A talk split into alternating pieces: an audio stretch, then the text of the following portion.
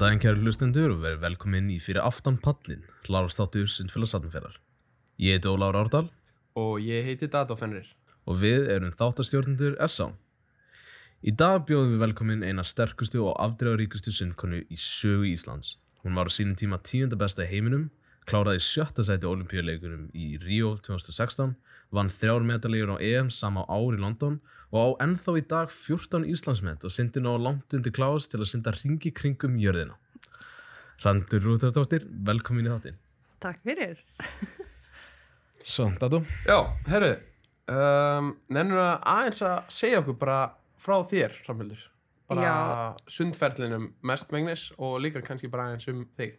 Já, þetta var samt alveg geggju kynning á mér bara þarna í byrjun sko þannig en, en hérna, já, ég sagt byrjaði að æfa sund frekar seint með að við aðra krakka kannski en, hérna, ég byrjaði þegar ég var tíu ára í rauninni og hérna ég prófaði einhvern veginn allar aðrar íþróttir áður en ég fór í sund. Og að því ég var ekki best í þeim þá bara hætti ég og fann næsta að því ég þurfti alltaf að vera best. Um, og já, byrjaði sagt tíu ára og hérna var greinlega fann mig í því að því að ég hækkaði upp um hópa alveg frekar hratt og hérna bara stóð mig vel og um, kom síðan í úlingalandsliðið þegar ég var einmitt eitthvað 13-14 ára um, og hérna fór á mín fyrstu stórmót eitthvað í kringum það og hérna bara já uh, varð samt í rauninni ekkit eins góð og ég varð í endan fyrir en eiginlega í endan það var einhvern veginn svona ekki fyrir en ég var kannski svona einmitt fór út til bandaríkjana í skóla Hvað varstu hérna-? Tvítug? Já, ég var sem sagt, ég fór 2000, og- janúar 2011 þannig ég var á 20 ári, já Mm. uh, 20 ára aldrei og hérna þá fór ég út og uh, náttúrulega ég fekk geggjaðan grunn af tækni sem sagt og all, allt svo leiðis hérna heima en síðan eftir að fara út einhvern veginn að fá miklu meiri vegalengdir og, og æfa miklu einhvern veginn svona meira og síðan að vera í kringum fólk sem að var svona á sama aldri og allir með sumu markmi og allir að vilja þú veist, svona, þú veist, ekki það að það sé eitthvað fólk hérna heima sem er ekki þannig en þú veist, það var bara miklu fleiri í kringum hann einhvern veginn. Að því að þú veist, hérna heima þá var maður kannski þú veist, þrýr, fjórir á sama aldri einhvern veginn. þannig þetta var svona geggjað umhverfi að, að blómstra í og hérna þá einhvern veginn mitt náði ég að verða eins góð og ég varð í endan eða svona veist, eftir að hafa verið úti og síðan fengið að að hérna já, æfa betur í rauninni Gekkja, gekkja. Gaman að heyra þetta og við munum fara mikið meira út í þetta. Já. Ég er með nokkra góða spurningar handa þér. en það Ok. ekki. Ég ætla að koma líka með svona mína hlið á þér. Mhm. og hérna ég ætla að byrja með, með sögu sem, já, sagði Óla bara rétt á hann að hérna, ok, ég er með miljón sögur. Búin að þekka svolítið lengi núna. Já, en hérna uppáhald saga mín sem svona, svona eins og fólk er að segja núna svona core memory, sko er hérna, þetta var ég get ekki sagt hvort þetta verið í em ekki en þetta var móti í löðurslögin ok. Og ég er í keppenderfinu og ég er að fara að keppa í einhverju sundi. Ég veit ekki hvað ég er að fara að sunda ég ég veit ekkert, ég var í keppenderfinu og ég er að láta sundglur á mig. Mm. og stikkið sem heldur glirunum saman sem, sagt, sem maður nota til þess að þrengja glirur og stilla gliruna brotnar. Úff. og ég er í paniki þetta ég vissi ekki neitt annað en þetta stykki sem heldur gliruna saman. Og þú kemur að mér og tegur glirun og bindu þið saman. Já, og bara hérna, þetta er betra svona. Ég man ekki hvað þú segði mér, þú segði bara er þetta, bara hérna, bara hausinu bara áfram með þig og þetta var svo mikið bara svona Hrafnildur Lútis kom til mín og hjálpaði mér og gerði glirun fyrir mig. Æi, og ég er núna búinn að eiga svona, þúsund glirun mm. í gegnum sundferli og í hvert skipti sem ég kaupi gleru, fæ gleru þá hendi ég strax þessi hellitis millistiki og bara gera hann nút sem þú gerir þarna. Æ, vá. Og já, bara hnútur hjá mig alltaf. Bara síðan þetta moment, þá er Já. ég bara millistiki drasl, hnútur Æ, vá, geggjað. Já, þannig þetta og ég man bara, ég mun aldrei gleyma þessu. Vá, já, veit ekki hvort þú manst eitthvað Nei. eftir- nei, einmitt, sko. Æ. Þannig- Nei, og, og, og þannig þetta var svona fyrsta svona, já, herru, Hrafnildur hjálpaði mér og, Já. Æ, og síðan þá eru glerun með alltaf bara með hnút ég, ég stillu ekki, Nei, það bara ég kaupi glerun, ég finn svona réttu svona stærðina. Þannig að hún þau dett ekki að mér og bara gerir hnút og búið. Einmitt. Þannig þá veit ég bara að glerun er alltaf eins og eiga að vera. Já, það er ekki að fara að brotna það neitt. Nei, þannig þetta er svona, svona fyrsta og svona uh, fyrsta minningin af okkur eitthvað. Já. og þetta er eins og sé bara glerun mín er alltaf svona núna út af þessu mómenti. Vá, geðveit, æ, hvað er gaman að heyra. En þú veist, Já. pældi ég einmitt hvað er svona litli hlutir sem að, þú veist, eitthvað fyrir manni sjálfur við er bara svona, æ, já, ég ætla bara aðeins að hjálpa. En þú veist, breytir einhvern veginn öllu fyrir öðrum. Og ég heyri líka frá einhverjum krökkum núna að ég geri kannski eitthvað mm, og það er bara stórt sem Algjörlega. okkur finnst kannski lítið í dag. Já, en er risa hlutur að þess vegna við höfum áhrif á fólk. Já, og, að- og þetta hafði áhrif á mig. Æ, geðveikt já, lí- já lítill, ég held að það hef verið eitthvað svona 12-13 ára. Gaman að eiga smá já, þátt í ferlinni já, ég held að já, kannski bara 15 ár af glerugum Já. sem þú breyttir hann en hérna, já, en þetta er smá saga um hvað þú hefði áhrif á mig og, og líka bara, ok, aðeins meira um því þú bara hefur alltaf verið svona fyrirmyndin, hérna ég sá þegar varst að æfa bara hvernig þú æfir. Ég meina aldrei gleyma skilji, hvernig þú varst að æfa. Og það, maður held alltaf að þessi eldri krakk sem voru góð, þau, þau æfðu bara og þau voru Mm. bara, þau voru bara góð út eða þau voru góð. Mm, en svo voru sumar æfingar þar sem maður sá þig og einmitt svona þessi stórunum hvað þið voru virkilega að æfa. Mm. Já, ég man þegar þú varst að gera eitthvað sett já, þetta var mi- mi- mikið að 100 metrum og bringusund mm, og, og það voru það voru nokkur bringusunds strákar hann aðeins ég man bara að Hrafn var hann og þú varst að fara eiginlega jafn hratt og hann og hann var bringusunds maður og Já. geggjar og þá fattaði maður bara wow, maður þarf að æfa já, algjörlega og, veist, og, og þetta er einmitt svona veist, eitthvað sem að, ég fattaði ekki mikið fyrir en eftir, eða þú veist, setna meir var einmitt, veist, hversu mikið maður þarf að æfa, þú veist, að því maður er sérstaklega þegar maður er svona úlingur og eitthvað svona í framhaldsskóla og maður vill bara, þú veist, fara í bíó með vinunum og æ, ég nenni ekki fara þú veist, oh, ég þarf að fara mót um helgina ég nenni ekki fara á ballið sem ég langar að fara á og eitthvað svona, og þú veist og það var ekki einmitt fyrir en þú veist eftir á svona setna í ferlinu sem var bara, já ok, þú veist, ég þarf ef ég vil verða eins góð og ég vil vera, þá, veist, þá þarf ég að æfa svona mikið og ég þarf að taka pínu af þessum æfingum í mína eigin hendur og Já, bara, þú veist, hugsa um þetta sjálf og hugsa um tæknina og hugsa um hvað ég get gert betur og eitthvað svona og, en hérna, þetta er bara geggja punktur og það sem ég langar eiginlega að ræða við þig í dag er bara attitude. Mm, bara attitude á æfingum bara á mótum, heima, skóla og bara all attitude bara í kringum bara íþróttina. Mm, og hérna byrjum einmitt bara á því skýri attitude á æfingum. Já, og skýri þegar ég sé attitude á æfingum hvenar byrjar attitude? Er það skýri þegar þú ert á leiðinaæfingu er það þegar þú stingur onni hvenar heldur þú að svona skipti mest máli að kveikja eins á hausnum og bara herru ég er hérna já.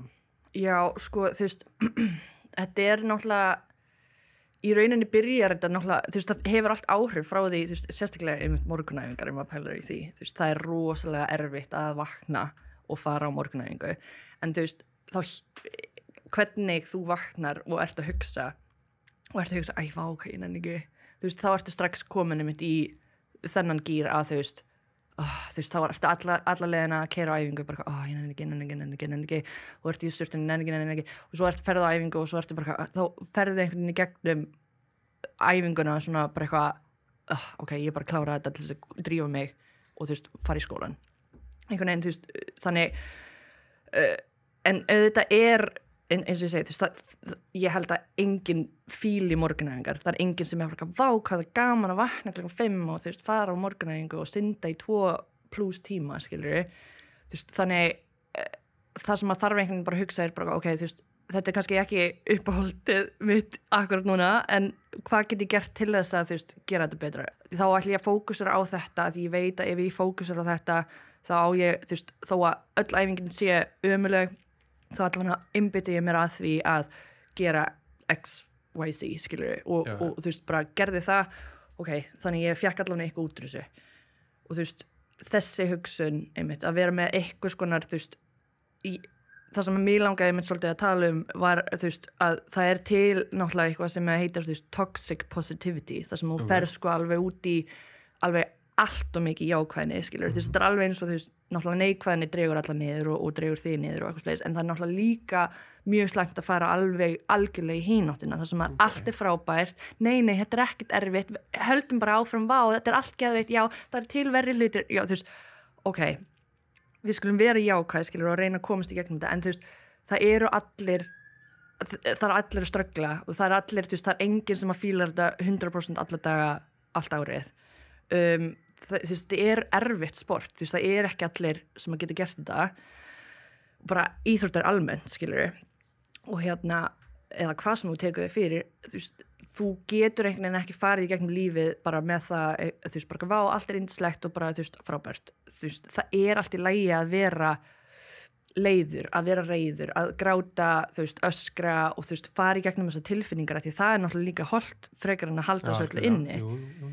þannig, þú veist, bara einmitt að fara ekki út í þú veist, að vera bara, já, allt er frábært og allt er yndislegt og hérna, bara, já, þetta er ekki það erfitt og eitthvað svo leiðist, þú veist, heldur líka bara, ok þetta er ótrúlega erfitt, en ég ætla að gera mitt besta, skilur, þú veist, og bara reyna að spinna þetta, þú veist horfa á jákvæðu hlýðina þó að það sé einmitt ekki allt Já, mér finnst ekki að það sem þú segir og það ég held kannski að séu líka krakkar sem eru að miskila einmitt þetta sem þú voru að segja að þeir halda að sé kannski eitthvað að mm, að þau eru bara af hverju er ég ekki alltaf jákvæður? Mm, af hverju er ég ekki alltaf peppa fyrir aðeingu af hverju nenni ég þessu stundum ekki? Já, þannig ég held að þetta sé mjög góð punktur að skilja, eins og segir þessi íþrótt, þetta er erfi íþrótt. Mm, bara íþróttir í höfu geta verið oft mjög erfiðar.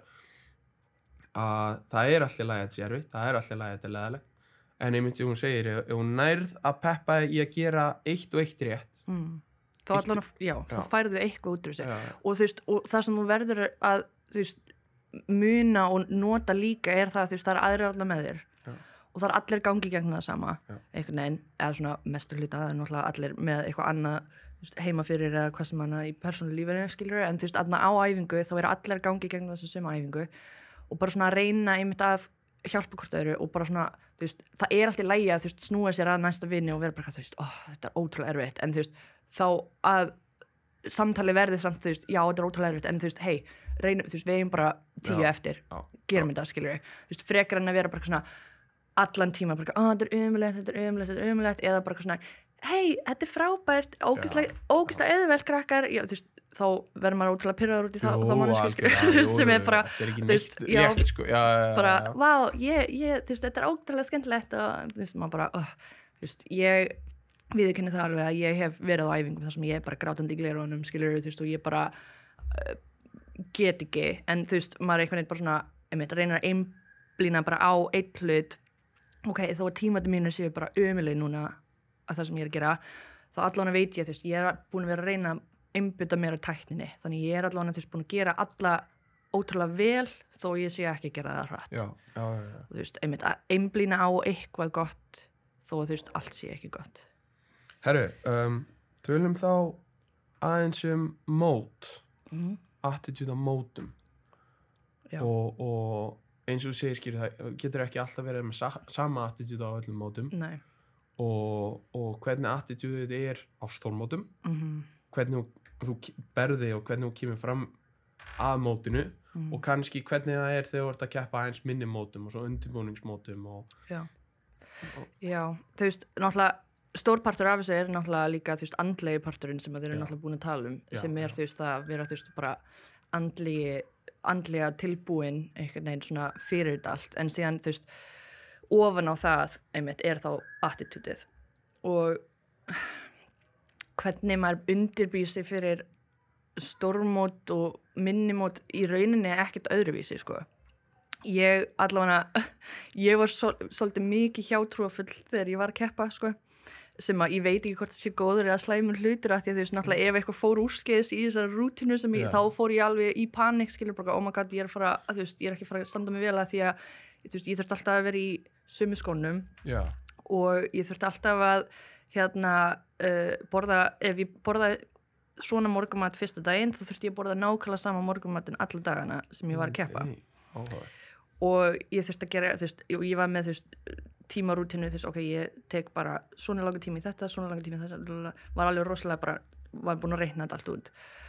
Þannig eins og til dæmis á EM þá, 2016 þá. Já, 2016 EM þá, þú veist, það sem er gengur best, þá ándjóks fer allt í rögl í þessari rútinu og eiginlega þú veist eftir það þá einmitt fatt ég bara ok, þessi rútina er náttúrulega bara þú veist hug, hugarfarið mitt, skiljur og þú veist, þetta er til þess að ég geti verið með attitútið af, þú veist, ok, ég er að fara að standa mig vel, skiljur, en það skiptir í rauninni einhver máli þó það fari eitthvað úrskeiðis. En þetta, það gerði ég til þess að reyna, þú veist þú veist, undibúa mig fyrir mótið var þú veist að því að, sko, fyrsta daginn þá glemdi ég skónum mínum og ég var bara, oh my god bara, og svo var ég að fara í kemskalan og hann rifnaði. Og ég var bara, ok, ég er bara, þú veist, þetta er ekki meant to be bara ég á ekki vera hérna. Og svo bara þú veist komst ég undan úrslit og úrslit og ég var bara, "Ah, ok, kannski alltaf svo næsta daginn, þá voru þau, að ég fekk mér alltaf ristabröð með smjöru og jarðabröðsöldi þennan dag voru þau ekki með jarðabröðsöldi þau voru með ristabröðsöldi og ég var bara, nei ég get ekki farið. Ég, þú veist, þetta er bara svona pínu litli hlutir eitthvað sem skiptir engu máli, skilur en bara fyrir mér þá var þetta bara svona oh my god, þú veist, ég bara en þá einmitt, þú veist, þurfti ég bara svona að draga mig tilbaka, ok, þú veist, þetta skiptir engum máli þú veist náttúrulega, skiptir engum máli hvað þú borðar á keppnisdag, það skiptir máli hvað þú ert búin að vera að borða þú veist, en ég var bara í paniki en þá einmitt að þess, eftir þessu mörg ár að svona finna út úr, þú veist, og æfa sig á attitúti og andlegu hliðinni og bara svona, ok, þú veist, þetta er alltaf lægi veist, ég er búin að æfa og ég er búin að gera ég er búin að gera allan undirbúningin fyrir þetta. Þú veist, eina sem ég get gert er að keppa. Og það er svolítið svona attitútið fyrir mót er bara það, þú veist, hei, ef þú ert búin einmitt að vera með frekar gott attitút á æfingum og þú veist, æfa vel þá bara, þú veist, getur ekkert annað gert á mótum nema bara fara og keppa, skilur þú veist, þú getur ekkert fara að reyna að breyta neinu á mótinu, þá er það alltaf seint, sko, Já, þú veist, þannig þá er skipti bara máli að vera með einmitt, bara frekar jákvæmt attitút aftur ekki bara, þú veist, allt er frábært og ég er að fara að vera í fyrsta stæti, skilur, þú veist, það bara auðvitað dreymir mannu um að, þú veist, ná besta tíma og vera á palli og eitthvað sliðis, en ég var allavega alltaf þannig að, þú veist, ég var svolítið svona þó ég komst í úslit á EM þá var ég samt alveg bara, oh my god ég held að þetta hafi verið bara óvart, skilur veist, ég var einhvern veginn, held væntingunum í svona lámarki, eða ekki Já, lámarki, já, en þú já, veist, já, bara svona já. ég var bara svona, ok, ok, þú veist ég bara gera mitt besta og þú veist, reyni þú veist, það væri ekki að lenda á palli en, en ég ætla ekki að sjá það fyrir mér að því ég var líka hjátrúfull þannig að ef ég sá fyrir mér þú veist, ah, bara ok, áhugaverð. ég stend á, já, þú veist, þetta er, þetta er kannski öfugt við það sem að margir aðri segja, þeir segja, þú veist, sjáðu fyrir þér á palli, sjáðu fyrir þér tíman, en fyrir mér, þá fannst mér, þegar ég gerði það, þá var ég að jinxa sjálfur já, mig, já, já, já. en það var bara, einmitt, það var bara ég, sko, en þetta er svona, maður verður bara að finna einmitt hvaða attitude, hvaða rútina einhvern veginn svona hjálpar þér fyrir mót já. til þess að koma þér einmitt í þennan gýr að bara vera, þú veist, ok, ég er tilbúin. Eitt sem ég langaði að spurja Mm. er einmitt það sem hún sagði pældir eitthvað tíman í tíma þegar þú varst að fara að keppa þú veist auðvitað var maður svona ok mér langar eins og þegar ég var að reyna að komast undir 1.10 í fyrsta skipti Mhm. þá, þú veist, þá var ég með það í huga mér langar að komast undir 1.10 Mhm. ég var ekkert endilega að sjá fyrir mér 1.09.86 Mhm, skilur mhm, mhm, Þú veist, ég var bara eitthvað svona ok, ég ætla að reyna að koma, koma mér undir 1.10 Mhm. og hérna en svo er ég aftur ég er líka þú veist, öðruvísi upp á það að gera ég man aldrei tímanum mína Nei, þú veist, það var alltaf ef ég, þú veist, einhver spurði mig bara, já, hvað er besti tímiðin í 100 bringu? Ég horfði alltaf á pappa, af því að pappi man alla tímanum mína og hann bara, já, 106, blú, blú, þú veist, Mhm. og ég var bara, að því að, að því að ég einhvern veginn vildi ekki pæla of mikið í því, að því að þá, þú veist, ef ég pældi of mikið í því, þá var ég að pæla of mikið í öðrum og þá var ég eitthvað svona, þú veist, þannig ég var bara svona, ég er bara ég og ég er í lauginni og ég er bara synda eins rætt og ég get. Já, og þú veist, ég var einhvern veginn að því að ef ég fór alltaf mikið að pæli þú veist, ok, ég er að synda þetta ok, og 33 og snúa og þú veist, eitthvað, þá veist, var ég of mikið í hausnum á mér. Þannig ég var frekar bara svona, ok, ég er búin að gera allt sem ég get, já. Farðu bara að syndu Já, geggjan, það finnst ógslag gaman að heyra þetta. Mm. Það sem segi við krakkana mína er að ætta ekki að pæla í tíma. Mm. Það er það sem ég um, að einn stelpa sem spurði mig núna um helgina á mótinu hún var að fara að synda 100 skrið og hún spur, spurði mig hvernig á ég að synda? Og ég sagði skil hvernig hún átti að synda rætt og svona og auka ræðan og bla bla bla. Og hún sagði "Hva- hvaða tíma á ég að fara á og ég þannig að segi bara við hana ég væri til að hún myndi byrja svona og koma tilbaka svona. En um leið ég segi þetta við hana þá er ég að segja bara þá er ég að hugsa bara ég er að setja limit á hana. Algjörlega. Bara ég er að segja þér, herru, fara út á þessum tíma og hún kannski að hugsa bara ég þarf að fara út á þessum tíma. Kannski er hún að hugsa bara vá, þetta er óksla hraða tíminn þannig ég þarf að byrja óksla hratt. Mm. eða bara, já, þessi tími er kannski hægur, ég hefði getað að byrja hraðar. Mm.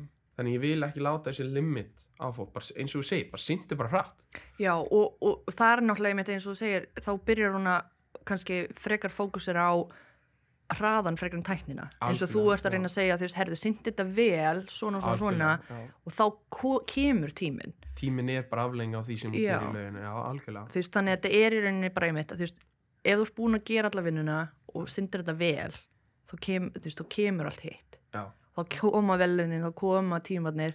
Þú veist, það, þetta er bara málum að synda þetta, veist, vel og rétt nóg lengi og, og veist, oft. Já, þá kemur þetta. Gegja fannst mjög gaman að heyra þetta. Um, eitt hérna sem tingist kannski bæði æfingunum og mótonum þar sem ég hef ótrúlega erfitt með og þetta er auðvitað fyrsta sísona mitt síðast á enn fyrsta þar sem ég virkilega búin að fatta þetta og ég ekki bara búin að fatta þetta heldur búin að, að leifa þess að gerast er setning sem heitir skýru uh, trust the process Mhm.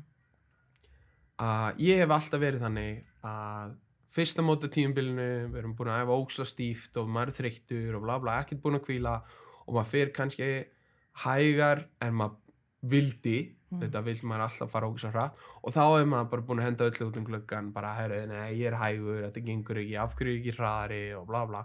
Saman með æfingarnar að gera.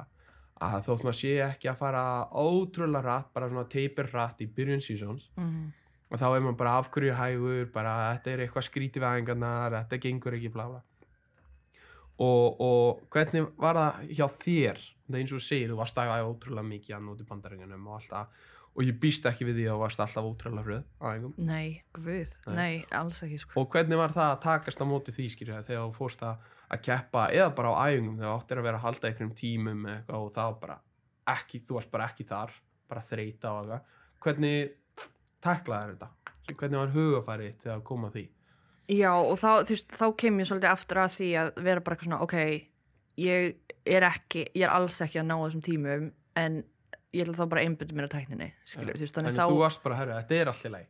Já, þú veist, ég, auðvitað, auðvitað er maður pyrraður Já. og þú veist, maður vill gera betur, en, en þá er það einmitt bara, þú veist, að einblýna á, ok, þú veist, hvað get ég gert í staðinn já, og þú veist, og hvað get ég einb- einbytt mér að og þú veist, ok, þetta er bara ein æfing ein, einn dagur, þú veist, ég get komið tilbaka á morgun, þá er svona æfing ég er bara að reyna að gera betur þá Já. og þú veist, maður getur ekki verið alltaf 100% alltaf. Uh, þú veist, maður verður stundum að eiga slæma daga til þess að eiga góða daga. Og, og þú veist, vita þá líka á þessum slæmundum einmitt, ok, hvað fór veist, hvað get ég bætt til þess að gera betur? Það er sam, sama einmitt ef maður gengur ítla á mótum. Auðvitað er maður pyrraður og þú veist, maður vildi gera betur maður vildi einmitt fara á þessum eða hinum tíma eða ná þessu markmiði en þá er það bara ok, hvað hefði ég getið gert betur? Já ok, ég byrjaði alltaf hrætt þannig fyrstu 50 eða ég misti mig alveg í snúningnum eða hvað sem það er, þú veist, eða bara ég starti mitt þú veist, var alltaf ég var alltaf auðmjölega í starti og, kafsundi sko, þú veist, þannig ég var, vissi alltaf að ég gætt bætt það. En þú veist, einmitt, bara að hugsa um svona litlu hluti, ok, þá bara einbæti ég mér því núna. Þá bara er það eina sem ég get gert. Já, ok, það er ekki ekki Mm. það var mjög gott svar. En svo ætla ég að tala við aðeins um um attitude, eða svona hvernig þú horfðir á, á skóla. Mm. og bara hvernig það var heima.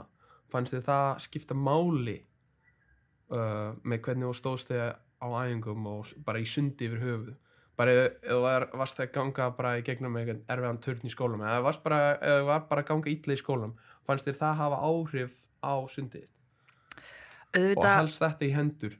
Já, mér finnst sko þú veist, allir þættir í lífiðinu hafa áhrif á alla hina þættina í rauninni. Þannig að þetta er svona, þú veist, ef eitthvað gengur vel einhver staðar, þá náttúrulega ertu kannski svolítið ánæður í hinum pörtum á lífiðinu þó að það gangi kannski ekki eins vel. En þú veist, einmitt, ef eitthvað fer alveg úrskeiðis þá hefur það áhrif á þig sama hvort þú fattir það ekki, stundum er það bara í undirmeðvituðinni þar sem þú ert bara svona andlega þú veist, þetta hefur áhrif á þig eitthvað kom fyrir eða þú veist, ég veit ekki hvað þá en ég er náttúrulega svo mikil keppnismannski að ég reyndi einmitt alltaf að standa mig vel í, í skóla og þá einmitt ef það geng, gekk illa í skóla þá, þá hafði það áhrif á mig.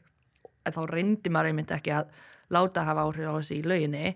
Þá einmitt þú veist reynir bara skipta þessu ok, nú er ég farin úr skólamót og yfir í sundmót skilur en þú veist aftur, þetta, það er alltaf eitthvað svona í undir meðvutundinni og sérstaklega þegar maður er að synda langar vegalengdir og maður er bara að stara á skilur svartu línu og maður er bara að hugsa eitthvað um ó, ég hef átt að gera betur í prófinu ó, ég er að fara í prófa eftir eða eitthvað bara ég hef átt að læra meira þú veist, eitthvað svona veist, þá er það einmitt bara svona, maður einhvern veginn læ, lætur hugan reyka og flakka og þá þú veist, fer maður kannski að hugsa svolítið um þú veist, allt sem er erfitt og leðilegt og eitthvað svona, þú veist, frekar en að vera bara ok, herði, ég er in the moment, ég verða fókusera aftur. Já. bara svona, þetta er ennþá er erfiðar eins og ég segi í svona löngum settum eitthvað svona, þú veist, bara það eitthvað, já. Já, en þá er það bara að reyna að koma sér aftur inn í gýrin og bara svona einbytta þér að því þessum tveimur tímum, ég ætla bara að vera hér og gera þetta. svo get ég, þú veist, ég get hvort ég er ekkert gert neitt fyrir en ég er komin upp úr það sem ég var að tala við, við krakkanum mínu um og bara mjög fínt að mjög fínt að að ræða þetta núna og þetta er svo stutt í um, tvær vikur í um að hérna ég var að fara yfir eina rannsókn fyrir ári. Að prófessorinn minn sendi á mér rannsókn til þess að fara yfir, lesa yfir þetta og segja honum hvað mér fannst um þetta og þetta snýrist um teipar mm. uh, fyndin saga að þetta var ekki nógu góð rannsókn til þess að byrta hana en það sem kom samt í ljós að þetta var sem sagt könnun og það voru eitthvað í kringum 300 mann sem tók þessa könnun Mm. ef ekki meira og alls konar spurningar en það einu sem kom vel út af þessum rannsók var andlega hliðin fyrir teipir og hérna að kom bara, eila bara svart og hvítu að þau sem voru að merkja við að þeim leið illa andlega út af skóla eða illa heima eða illa í félagsleginu bara að leiði eitthvað þar illa það var stress að kvíði að þau stóðu sig verri en þau sem leiði vel Mm. að bara að sást bara svart og hvíta að þau sem voru að merkja við eitthvað kvíða þar annar staðar en í sundinu Mm. að þau voru að standa sig mikið verri en þau sem sögðu að þeim leiði vel í skólanum og heima og Mm. þannig eins og ég segi þetta helst allt í hendur auðvitað öruglega er þetta persónabundið Mm. þetta hefur öruglega meira áhrif á suma en aðra. Að ég veit að það séu sumi sem gáta alveg ekki skíti í skóla og samt voru að standa sig vel í sunda alltaf en klárt mála ef, ef skóli eða eitthvað annað veldið kvíða eða veldið stressi að það mun hafa áhrif á sundið í lókin og veist, það minnir mér svolítið á einmitt, maður hefur átt þjálfara í gegnum árin sem hafa sagt bara einmitt fyrir stórmót, þú veist, bara gerið allt sem þið getið til þess að þú veist, eitthvað líði vel. Ok, ég mæla ekki með því að fara í ljós en ef, ef þið viljið fara í ljós og bara þannig að það líti vel út og eitthvað líði vel, gerið það, skiljið þú veist, ef þið viljið, þú veist, farið í klippingu og þú veist, farið hérna og gerið hérna og farið, þú veist, eitthvað, fáið eitthvað gott að borða og eitthvað bara þannig að ykkur líði vel, að því að þegar ykkur líði vel, þú veist, Já, standið ykkur vel. feel good, swim good Mm. look good, feel good, swim good sko.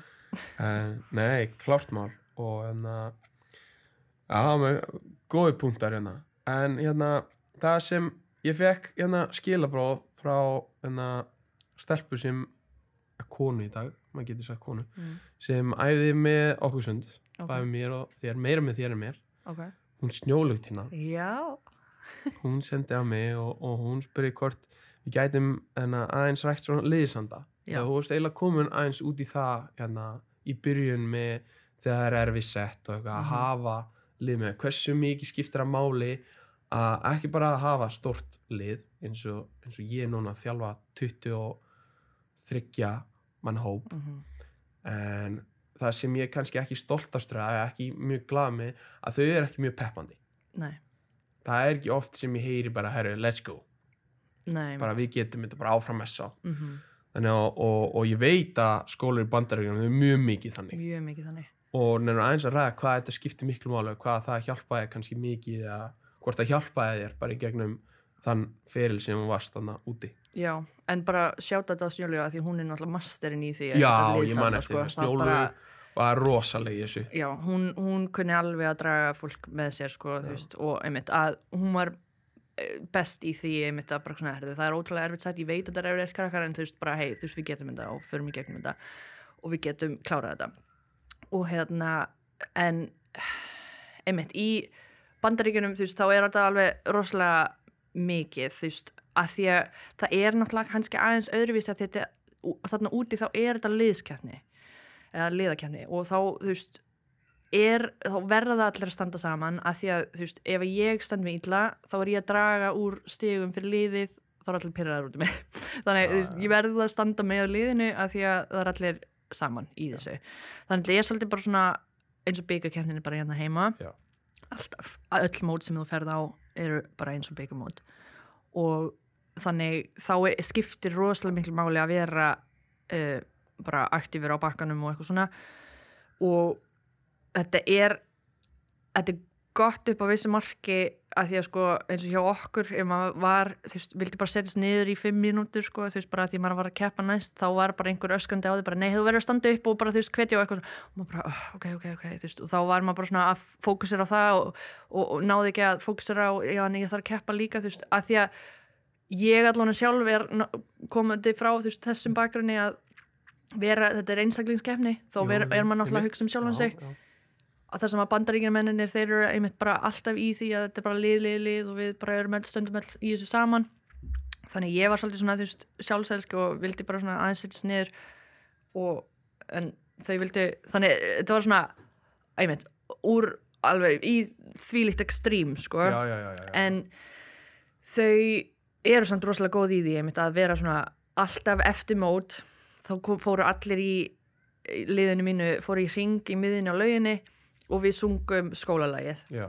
og vorum öll svona all, og það var bara ótrúlega skemmtilegt. Allir eitthvað svona að hoppa saman og splassa og þú veist, meiri sér þeir sem gáttu ekki verið onni stóðu þá bara upp á bakka og voru að syngja með og þú veist, allt geði gaman. Og hérna, bara svona litli hlutir. Ok, þú veist, alltaf eftir mót þá ætlum við öll að koma saman og syngja þetta lag eða gera þetta hérna pep eða eitthvað. uh, og svo þú veist bara það hjálpar alveg rosalega mikið að ha- hafa einhvern á bakkanum og þú veist heyra þetta, þú veist þó að maður heyrir þannig segja ekkert alltaf Já, allt já, svona já, sem er í gangi en þú veist að vitandi það að það er fólk að styðja þig upp á bakka er allt annað og hjálpar alveg helling.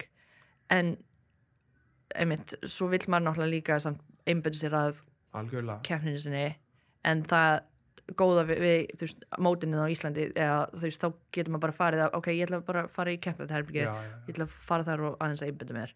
En á meðan maður er á bakkanum þá ætti maður að vera að styðja liðið sitt af því að þú veist, þetta eru krakkar sem þú ert að fara í gegnum þetta allt með Já, og þú vilt að þau standi sig. vel líka. algjörlega. af því að þú veist, þú vilt líka að þau hvetji þig svo að þú standið vel.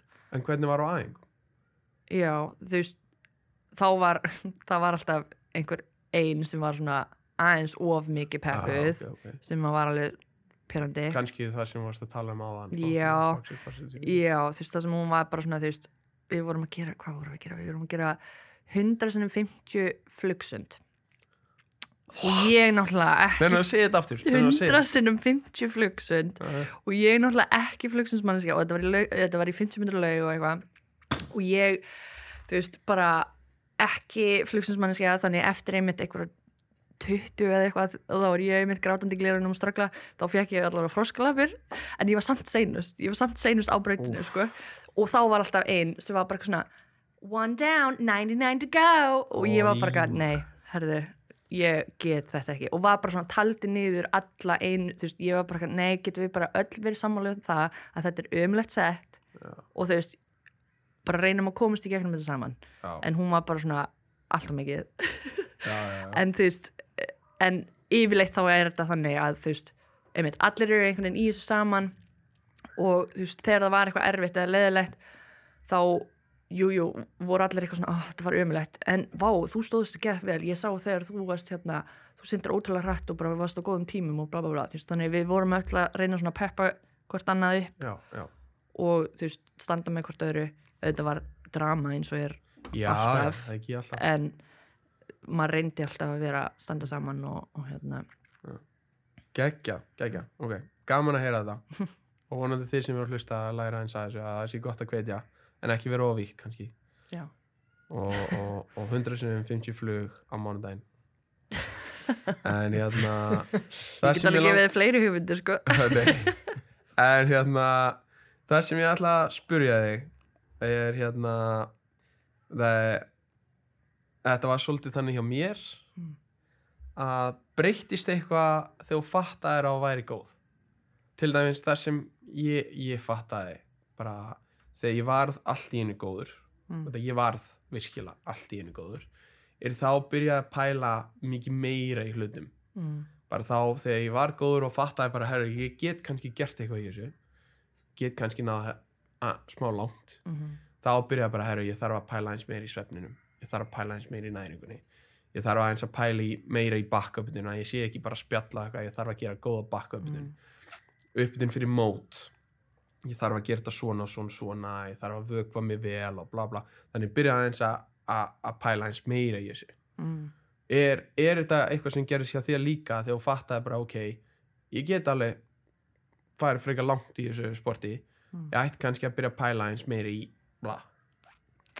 Já, jú, jú, þú veist, maður fór alveg gegnum svona tímabil þar sem maður var eitthvað svona, að, þú veist, hérna, hún út í heimi er að synda akkurat núna og hún er að gera svona mikið, þú ættir að gera meira. Og þú veist, maður er eitthvað svona reyna einmitt að bera sig saman við aðra og eitthvað að vera eitthvað svona, ah, já, ég þarf að gera meira ef ég vil bæta, þú veist, vera betri en hún þá þarf ég að gera þetta og þetta eitthvað. En það einhvern veginn endist ekkert lengi að því að ég var eitthvað svona aftur ég er ekki að gera þetta fyrir aðra ég er ekki að gera, þú veist, ég á ekki að hugsa með aðra þú veist, ég er bara á minni braut og ég er bara að gera þetta fyrir mig.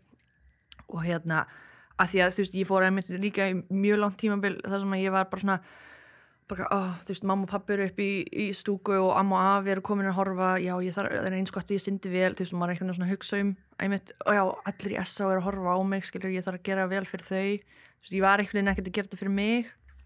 Já, þú veist, hvernig ég hvernig ég fattaði að, að ég væri góð ég samt einmitt breytti þannig séð ekkert a- a- aftur eins og þessi rútina sem ég var að tala um. Þú veist, ég held henni eiginlega í mörg ár. Þannig það var ekkert eitthvað svona ó, núna er ég góð, núna þarf ég að, veist, að gera eitthvað svona ekstra meira, Mhm, eitthvað mhm, svona, þú veist, ég var bara eitthvað, þetta hefur gengið vel fyrir mig. Og bara ekki, jú, jú, alltaf, ég bætt alltaf inn í, þú veist, sérstaklega þegar maður fór á þessu stórmót og sá einmitt, þú veist, hinastelpunir að vera að gera eitthvað svona förðulega tegjur og eitthvað svona eitthvað, þá var ég bara, ú, ég skal prófa þetta. Og bæti kannski svona inn í rútínuna þú veist, bakka uppbytununa og hvað sem er og eitthvað svona, og maður var að prófa sig áfram með einhver drill og eitthvað í uppbytunum en, þú veist, ég var einhvern veginn svona bara, ok, ég bara þetta virkar fyrir mig og ég bara gera þetta. Og jú, jú, svo, þú veist hugsaði maður um mataræði en ég vildi einmitt ekki fara alveg út í öx- öfgar að vera bara, þú veist, ég ætla að telja prótinin og þetta allt, þú veist, ég bara, ok, þú veist ég veit að pizza er ekki holl en ef ég borða pizzu bara, þú veist, öðru kóru þá er það alltaf og saman með nammi, þú veist, ok, ég ætla ekki að borða þú veist, allan nammipókan á laugadeginum ég dreif honum svolítið út og þá er það betra, bara eitthvað svona pæli í hlutum en vildi ekki ofpæli í hlutum að ég vildi heldur einmitt aftur ekki vera of mikið í haustum á mér að vera bara eitthvað svona, oh, ef ég hefði ekki ef ég hefði drukkið einmitt aðeins meira vatn hefði ég Já, þá verið betri. Eða, þú veist, maður hefði svona, veist, ég vildi ekki vera með eitthvað svona, hvað ef Þú mynda bara kvíða og stress og, Já. jú, jú, já, þannig, þú veist, auðvitað hugsar maður um veist, þetta geti gert til þess að reyna að vera betri og eitthvað svona og gera betur en þú veist, eina sem ég get gert er að gera mitt besta. Og ég er búin að gera allt sem ég get gert og bara, þú veist, en jújú, jú, á ákveðnum tímapunkti þá fór ég að hugsa meira sjálf í lauginni. Ok, ég ætla að gera þetta tækni, ég ætla að prófa áfram og, og gera eitthvað svona. Þú veist, án þess að þjálfari væri að standa yfir mér og segja mér það. Það var svona kannski þú veist, mómenti þegar ég fattaði að ég þú veist, væri góð og, og ætti að eiga svolítið meiri þátt í mínum einn ferli Mhm. og ekki einmitt vera svona go with the flow og bara eitthvað, já, ég mæti bara út á flugvöld þegar ég á að mæta, skilur þú veist, þá var ég svolítið meira í involveruði í þessu. Já, það var svona kannski það einmitt eins og þú segir, þú veist, að pæla aðeins aðeins meira í þessu, en Já. ég vildi ekki vera of mikið í þessu já. ok, kjáði mjög skemmtilega svar. Sagt uh, en manstu hvenar þetta var þegar þú byrjaði að vera svolítið svona sjálfstæð á aðingum þar sem þjálfarinn sagði bara herri skýri 200 drill og þú bara ok, skýri, ég veit hvað henda mér ég veit Mm. hvað ég á að gera manstu hvenar þessi tímpunktur kom eða þegar þú varst bara að synda æfingu og þú varst bara herri, ég ætla að vinna í þessu Mm. þegar ég veit að ég þarf að gera þetta Já, að þjálfarinn þurfti ekki að segja byrjum bara, herri, þetta er veikleikurinn Mm. nefnum að vinna eins í þessu já. Sko, það góða við klásirna heima er það að við áttum í mjög góðu sambandi þar sem við vorum einmitt, það var mjög mikið samskipti á milli. Mhm. þannig þú veist, þar einhvern veginn, þú veist alltaf þegar hann sæði eitthvað, þá var ég annarkvort búin að hugsa það sjálf bara ekki, já, ég veit, ég veit að þetta var lélegt þú veist, ég veit það líka eða þú veist, ég sæði honum það einmitt, veist, og það var mjög mikið samskipti þarna á milli svo fer ég út, þar sem það er einmitt svolítið meira svona herægi og þú ert bara einn hluti af hóknum og eitthvað svona, þú veist, jú, jú, geggja það einmitt að geta æft með fleirum, en þá ertu einmitt bara einhvern svona one of úr hópnum. Já. já, já, og þannig ég fekk alveg mikið út af því æfingarlega séð en ekkert endilega svona aðtiklilega séð. ekki fyrir en einmitt eftir ég svolítið svona þú veist er búin með háskóla fyrirlin en held áfram að vera úti og er að synda með international hópnum þar og þá er ég þú veist þá er það minni hópur en allir svona rosalega stórir og góðir og allir þú veist olíbífarar og reyna þú veist fara fyrir sín lönd og eitthvað. Og, og þá erum við, fáum við svolítið meira svona frelsi, bara svona, herðu, hérna er æfingin og eitthvað, en, þú veist einbyttum okkur aðeins að tækni og ekkert kannski sagt neitt meira. Þú veist, þá þarf, þarf maður einmitt að svona ok, Bara ég þarf bara. að hugsa aðeins meira um og þetta var hvað, þú veist, 2015 eða eitthvað, þannig þetta er ekki þetta er svolítið seint, þannig sé fyrir mig já, já, já. Auðvitað var maður einmitt eitthvað að pæla í á æfingum en það var eiginlega, mér finnst tímabili hafi verið þar sem að ég var bara eitthvað svona ok, já, hvað get ég gert, já, ég ætla að prófa þetta. Herðu, þú veist, ég kem, má ég koma hérna hálftíma fyrir æfingu og bara aðeins vinna með þér í hérna tækninni? Mm, þú veist, þannig að ég kem fyrir að verða aðeins lengur aðeins að, herru, getum við unnið aðeins í hérna snúningum, þú veist, og ég er að byggja um hluti án Ok. þess að þjálfari sé að segja mér. Nei, ekki, ekki, já. já, Okay. Það var skemmtilegt svar. Geðvægt. Gekkja. Herru, eigum við þá kannski að fara aðeins út í svona sögustund. ok Uh, ég ætla kannski að byrja með mína sögu og hérna, það er, IM og það er bæði COVID að ganga og eitthvað helvítis flensa mm sem ég fekk já, og búin að vera rúmlikjandi síðan á þriðdægin þannig þessi vika, ég er ekki búin að æfa þreim vikum fyrir IM en það sem heldur mig gangandi mm. er ein saga. Ok. Að árið 2014 fyrir IM25 sem á lögadaginn fyrir IM25 svona vikuna fyrir mm. þá ákveðum við vinnirnir að fara á American Style. Mm og ég fæ mér já, og enna, sem var uppáhaldsborgarinn minn þá sko. Já. Og ég kem heim bara góð Bernesborgari og ég kem heim og allt í fína og er að fara að sofa og ég vakna bara hálftíma setna bara herri það er eitthvað skrítið hérna. Og ég eyði þá einhverjum fjórum tímum bara á klustinu ælandi, ælandi, spúandi. Já, endar með að mamma bara herri þú ert að fara upp á spítala. Og við vorum svona klukkutíma á leiðin upp á spítala og við þurftum bara að stoppa á 5 minúta frest og þurftum að æla. Új. Og svo komum við upp á spítala og þá byrjar að koma hinum meginn við líka. Á náðu þetta að fara allan leiðin að skýra nýri Já. maga greinlega og það sem ég misti 7 kíló af vöku á þann dag. Vá. Bara á svona 6 tímum. Ég minn það endaði með að ég þurfti að fá vökva í æð. Já bara eins og beinakrind ég Mhm. man bara svona augum mér byrja að poppa út. Új.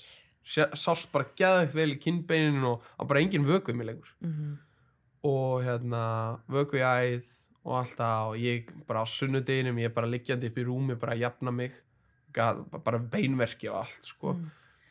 þannig að og svo bara vika em Já. bara þannig að bara fjór dagar af æfingum og em á föstu daginn og ég bara með það hugafar bara, já, já, skilji, þetta er þannig bara búið en ég ætla bara að hafa gaman á ég mm. bara, ég verða ekki að synda hratt ég ætla að reyna mitt besta bara let's go, Mm eitt besta í þeim sem ég átt -hmm.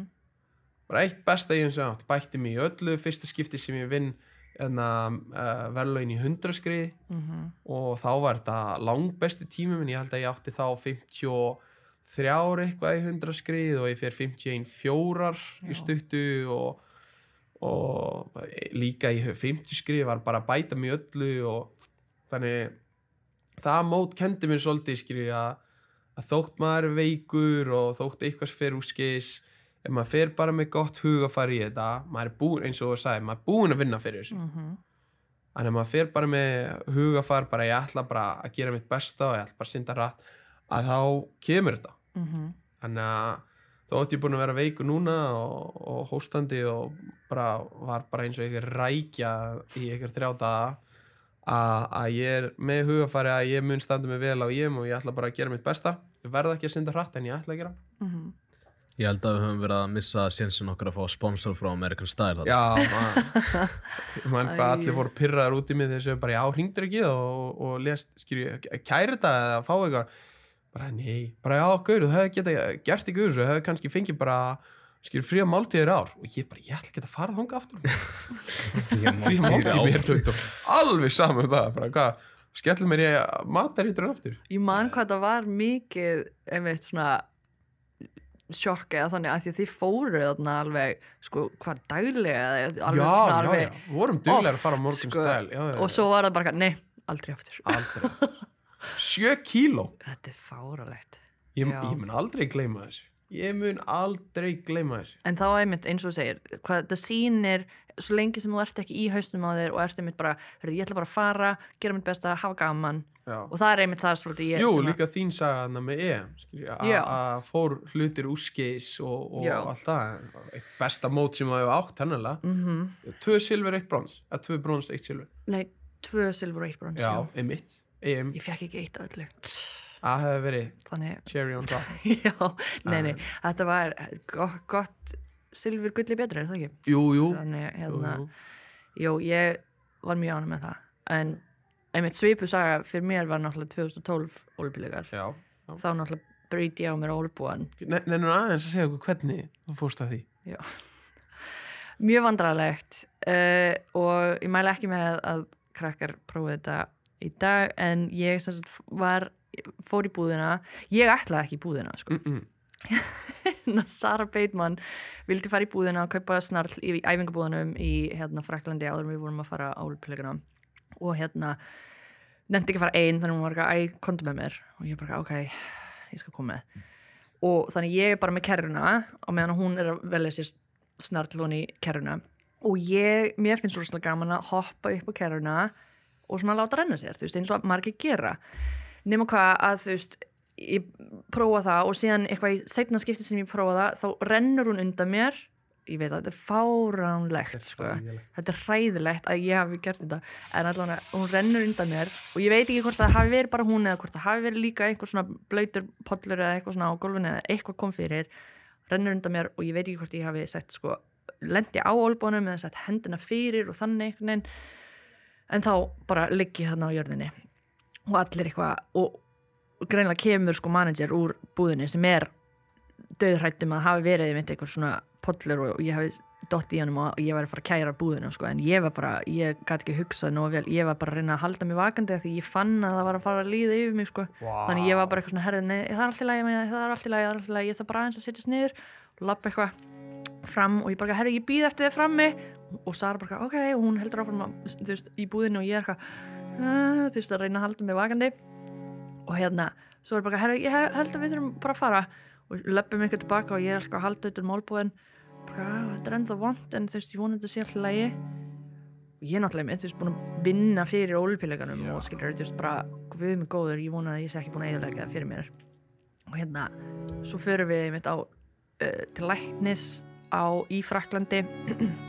fyrir þá erum við með Jackie sem betur fyrir sem þú veist, tala frönsk og allt leist þannig, veist, það var mjög auðvelt að hérna, redda þessu öllu og hérna, en þá segir hann að ég sé bara í rauninni, þú veist, sprained bráku Já, eða þú veist, í rauninni bara svona þetta bara eitthvað svona smá tóknun í rauninni þannig. Og ég var bara, oh, ok eins gott, þú veist, þannig að ég er ekki brotin eða neitt, þú veist, þetta er bara alltaf leið, þetta er að jafna sig.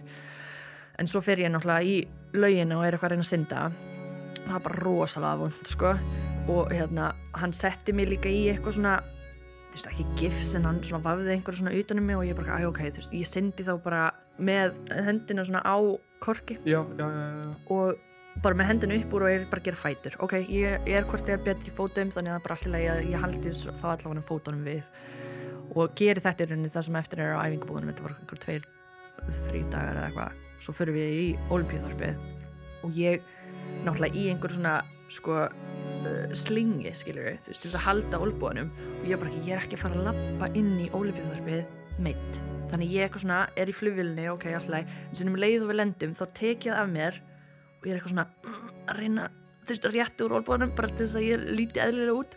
Get ekki rétt alveg úr hennum, get ekki þú veist, beitt, beitt hann alveg. Þannig ég er eitthvað svona lappandi gett asnarlega inn en þú veist, ég bara, ég vildi ekki sína veikleika í rauninni. já. inn í hérna Ólimpíuþorpi og er eitthvað, þú veist, og þú sérð líka á myndum af mér á þessu tímabili þá er ég alltaf, þú veist, þá er alltaf hendin alltaf svolítið svona, veist, hún er ekki alveg bein eða eitthvað, þú veist, ég er alltaf svona, svona, svona búin að beina en þá fer, fer ég sem sagt í myndatöku og eitthvað svona, þú veist og þá erum við náttúrulega líka með Ólimpíu hérna, læknin og hann er að skoða mig og hann bara, já, ég, ég hættur um þetta þessi brot og fyrir mig myndatöku og, kemur í ljós þessi brot og þetta er ekki einu svona brot alveg í gegn sem hefði verið betra það er auðvitað að, að hérna, jafna sig þannig heldur. Þetta var svona hálfa leiðina.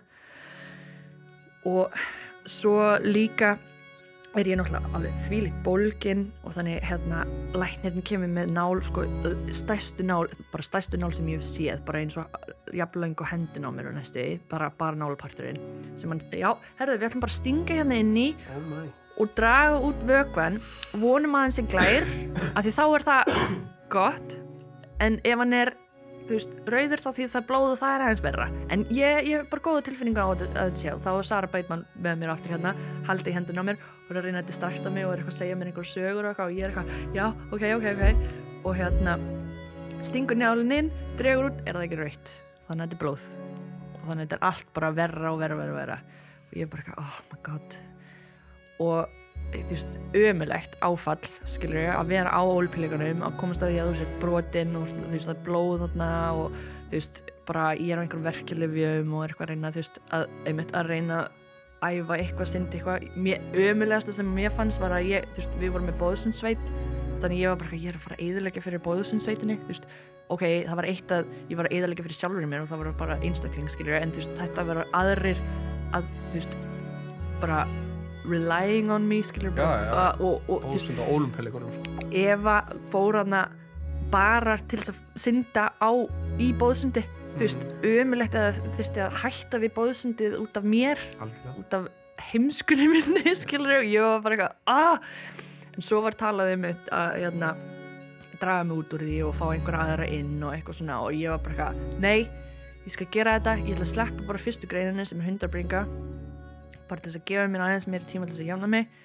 Og ég syndi tvö bringu sem var meikar eiginlega ekkert sens akkur er ég að synda lengur en þú veist, þá hugsaði ég meira þú veist, ok, ég fæ fleiri daga til þess að jafna mig. En já, það- ég syndi tvö bringu og ég syndi hérna bóðsundið ég ætla að gera þetta. Og þá einmitt er ég bara svona ég get alveg synd, þetta er vond en ég geta og þú veist ég stend mig ekkert ég verði ekkert með bestu tímana en þú veist, ég ætla bara einmitt að hafa gaman á þessu. Og þá einmitt var ég inn í keppindarbygginu þetta voru fyrstu ólipelíkan mínir og ég var bara eitthvað róleg. Og allir aðrir þú veist í kringum mig bara þú veist uh, hristandi fætur og er alveg bara þú veist maður finnur bara þú veist hérna andrumslöftið sko. Og ég bara sita þarna og er bara eitthvað sný mér að næstu stelpu bara já ég er með brotin olbúa. Og ég bara eitthvað segja frá því. Og hún bara hvað og þú hér þú veist þannig ég var svona pínu svona taktika þú veist messa í hausnum á henni og svo náttúrulega líka ég bara eitthvað svona já ég ætla bara að gera mitt besta og eitthvað svona. Og hún bara eitthvað ha, byrju, ha? Og þú veist já, já, ok, gangið vel. Og þú veist, fer og keppi. Og þá ég með þú veist versti parturinn sem betur fyrir er náttúrulega adrenalína og fulli þegar maður er að synda. Þannig versti parturinn er eiginlega bara þú veist, ströymlínan náttúrulega, ég gæti ekki rétt alveg úr mér. en, og síðan bara að koma mér upp úr lauginni já, og þá var náttúrulega, þú veist, var ég bara að reyna að nota bara aðra hendi og þú veist, gæti ekki nota hinna en þú veist, ég var ekkert það slæm Nei. sem að var líka perrandi eftir á því þá var ég svona oh, Hvað er hva, já, Já. hvað hefði ég farið á ef ég hefði verið í góðu en eftir á líka að hyggja þá hugsa ég, vá hvað það voru svona góðir ólipjuleikar að því að þú veist, ég fór í gegnum þá stressfrí. Að því að ég var eitthvað svona, ég ætla bara að gera mitt best og hafa gaman. Og þá einhvern veginn svona ná- náði ég að upplifa þetta allt. Og þú veist, var á svona stóru móti og eitthvað, þú veist, og stóði mig ágætlega. Og þú veist en án þess að vera einmitt bara í einhverju stressi og ná ekki einmitt að, þú veist, njóta og sjá, þú veist, hvað þetta er allt stórt og eitthvað, þú veist, ég var einhvern veginn bara svona, vá, já, ok, cool, þú veist. Þannig þetta var svona blessing in disguise Jú, svona eftir á en samt Nei, ömuleg geggjað. Já. ömuleg reynsla, en já, og svo bóðsundið, við náðum einmitt að gera það og ég var ekkit svo slæm í því heldur en, en þú veist um, ég var með mjög mikið samvinsku betið því aðalega sko að Já. hafa verið ekki í mínu ég- besta ég, ég, ég þar. það. Það væri þvílíkt trikk samt að mæta ólimpíuleikana inn í keppniðarbyggið segja við alla, ég er olbúabrotin já, ekki Nei, bara tips, krakkar, hlusta bara á IM núna, Já, mætin kefninu og bara hei allir ég hef brotin olbúa, Já, þið veitir bara að því. Já. Allir bara what? Ég vil að átta af átta keppindum í hverjum reyðli sé olbúabrotnir þegar þeir komin í já, Nei, Þetta er- þetta er góð saga. Þetta er góð saga.